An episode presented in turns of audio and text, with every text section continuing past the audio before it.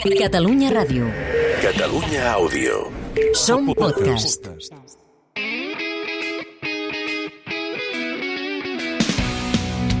Sants i estalvis. La salut que depèn de tu. Jingle bell, jingle bell, jingle bell rock. Jingle bells swing and jingle bells ring. Snowing and blowing up bushels of fun. Hola, sóc Adam Martín, benvinguts al Sants i Estalvis, el programa d'hàbits saludables de Catalunya Ràdio, nutrició, alimentació i activitat física.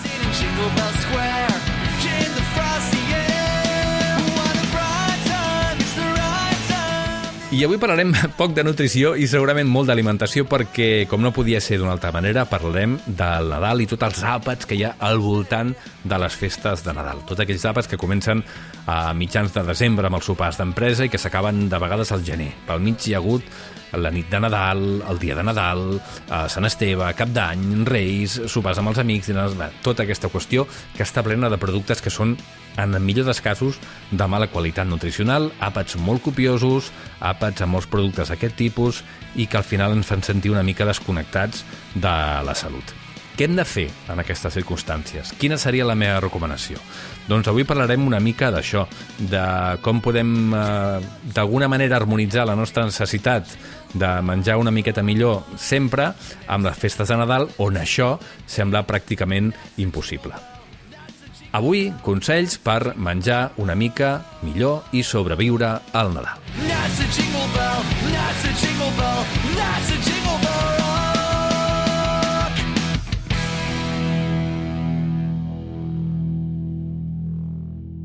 Avui és un programa sense convidats, avui és eh, Adam Martín que us clavarà la turra sobre eh, alguns consells que crec que són importants per això, per sobreviure al dia de Nadal.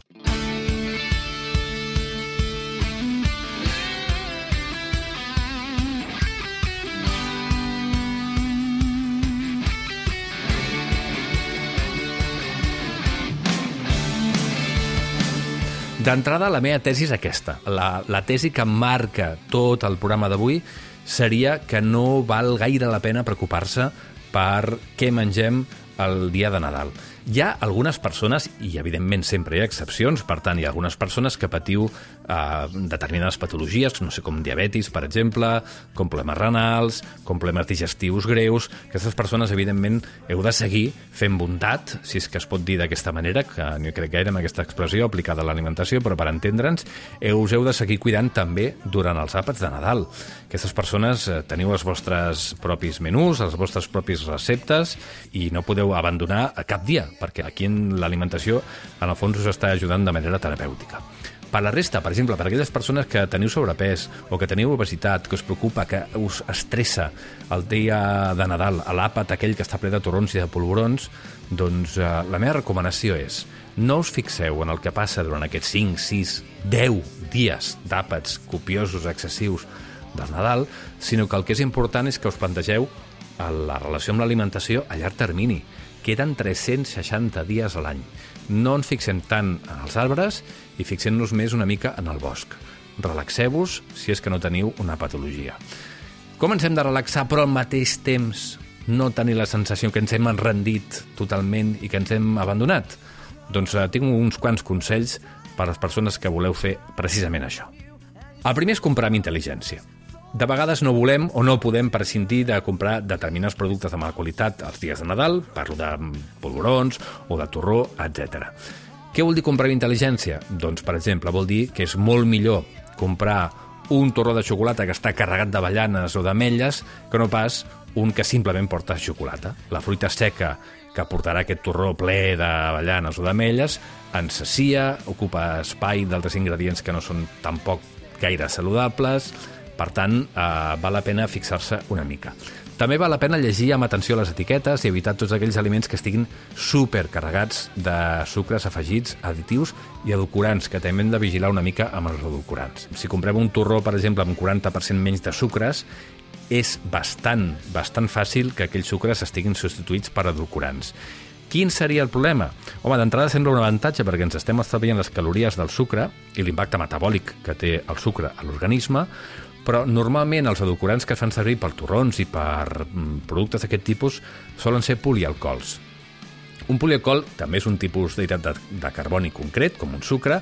El que passa és que porta un grup eh, d'alcohol i això fa que sigui més difícil de digerir. Per tant, aquella substància que no ha estat prou ben digerida arriba a l'intestí gruixut i allà passen dues coses. Una, que els bacteris intestinals eh, fermenten aquella substància que no ha estat ben digerida, amb la qual cosa ens provoca uns gasos que potser no tocarien, i després, que quan són a l'intestí gruixut, atrauen aigua i és bastant probable que ens generin eh, doncs unes femtes que no serien les millors femtes del món. De vegades, quan comprem un producte que conté edulcorants, llegim a l'etiqueta que pot ser laxant. Doncs és per això. Per tant, el meu consell, per exemple, en aquest sentit, és comprar productes amb poc sucre o amb poc edulcorant i que tingui molta matèria primera de qualitat.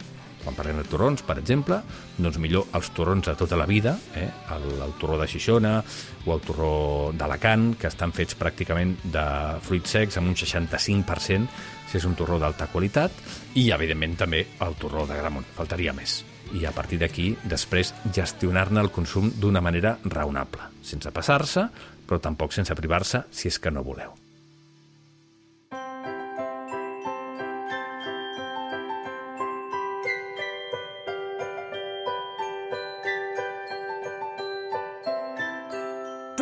The red-nosed reindeer had a very shiny nose, and if you ever it, you would even say it glows. All of the other També, segon consell, és interessant ajudar el cos. Què vull dir amb això? Doncs que podem acompanyar els àpats que estan, per exemple, carregats de greixos amb eh, amanides que tinguin fulla verda, que tinguin fulla amarga, que ajudarà a digerir millor, o amb algun eh, producte àcid, amb un vinagre de poma, o fins i tot amb alguna taronja, o amb llimona, o amb pinya, o amb mango, que contenen aquests últims enzims que ens ajuden a digerir millor també l'accés de proteïna perquè al Nadal una de les coses que passa no només és l'excés de sucres, sinó que també hi ha moltes proteïnes i molts greixos. Per tant, si volem, podem fer determinades estratègies per digerir millor aquests greixos i per digerir millor les proteïnes. Recordem, per digerir millor greixos, doncs eh, fulla verda, fulla amarga, substàncies àcides, fruita com taronja, per exemple, o llimona, i per digerir millor la proteïna, doncs eh, podem fer servir fruites com la pinya o com el mango dins del menú, que recordem que tenen enzims, com la bromelaïna, per exemple, que ajuden a digerir millor aquest excés de proteïna. Una altra cosa que podem fer és prendre verdures crues abans de l'àpat principal perquè això ens ajuda a menjar una mica menys, perquè allò està ocupant volum dins de l'espai i a més a més estem ocupant volum a dins de l'espai de l'estómac amb alguna cosa saludable, amb alguna cosa sana. Així és bastant probable que mengem menys d'altres qüestions. Aquest consell és especialment útil per a les persones que, com jo, una vegada comencem a prendre dolços ens costa, o aliments de mala qualitat, ens costa molt aturar-nos. Doncs clar, si tenim l'estómac una mica ple de productes saludables, costarà una miqueta, una miqueta més. Quart consell, i aquest està relacionat amb l'alcohol. No beure alcohol si tenim set. Si tenim set, bevem aigua. I el que podem fer per beure menys quantitat d'alcohol, tot això, evidentment, podeu prescindir de beure alcohol. De fet, el consell raonable seria no beveu alcohol. Però recordo que tot això ho estem posant al context de les festes de Nadal, per tant, escolta, no ve d'un dia ni de dos.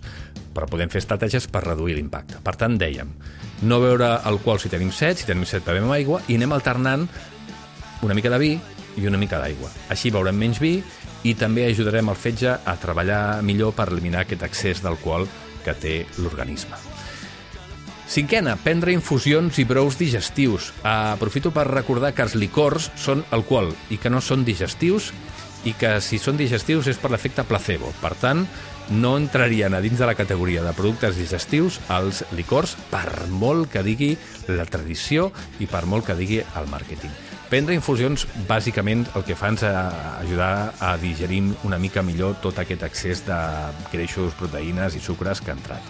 Per exemple, podem fer una infusió amb la pell de mitja llimona i la de dues mandarines ecològiques afegides a un litre d'aigua bullint. Això ajudaria a l'eliminació de, de sal i àcid úric a través de, dels ronyons, per exemple. No? Boldo, mentapoleo, Maria Lluïsa, fonoll, de fet, qualsevol infusió que us agradi eh, aniria bé per ajudar a digerir una miqueta millor. Sisè consell, intentar menjar de manera relaxada o incorporar més verdures als plats, perquè això també ens servirà, com les infusions, per evitar mals de panxa pels excessos.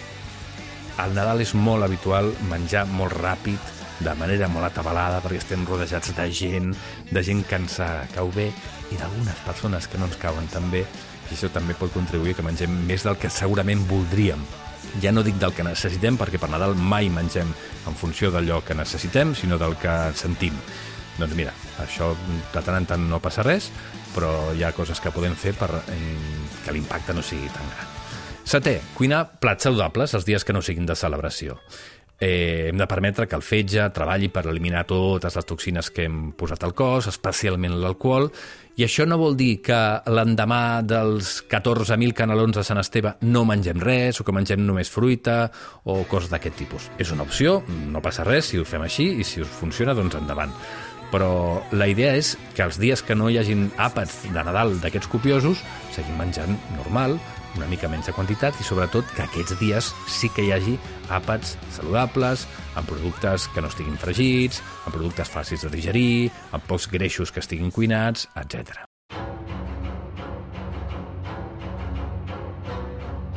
Vuitè, aquest és una mica estrany i aquest ja és una mica per matrícula, eh? Prendre ceba macerada un parell d'hores amb vinagre de poma, no pasteuritzat, el vinagre de poma, això és important, i això ajudaria també a la digestió de proteïna i de greixos d'animals, eh? de carn i de peix.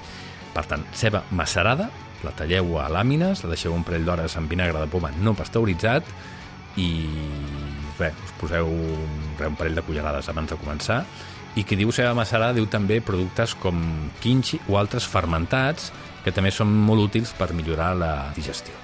Una més, i uh, això um, lliga amb el que estava dient abans. A banda de kimchi, podeu menjar una cullerada sopera de xucrut, que és col fermentada, de productes germinats, que acompanyin els menjars que són forts. Tots aquests productes contenen enzims que ens ajuden a, a digerir. Una altra opció, per exemple, també és prendre un comprimit d'enzims digestius que contenen proteases, amilases, lipases, obtingudes de fonts naturals, com dèiem abans, com la papaya, la pinya o el germinat de blat. Aquestes substàncies ens ajuden a digerir millor. Fixeu-vos que estem pràcticament tota l'estona parlant d'optimitzar el procés digestiu.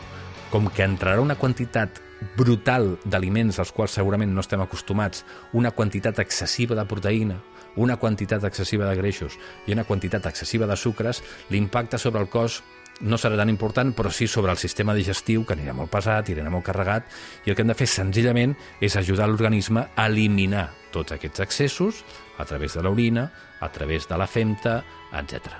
amb una bona digestió. Per tant, escolteu, bon Nadal, relaxeu-vos durant aquests dies si és que us ho podeu permetre.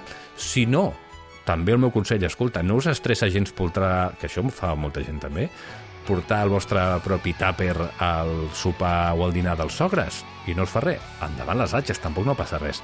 El que sí que crec que hauríem d'evitar és patir.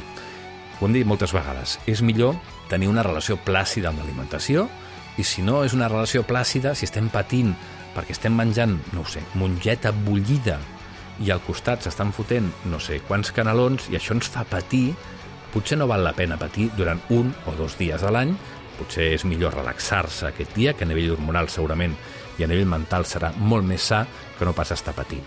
Excepció, recordo, totes les persones que tinguin patologies o que estiguin fent una dieta terapèutica concreta en, amb un objectiu concret. Per la resta, relaxació i molt bones festes.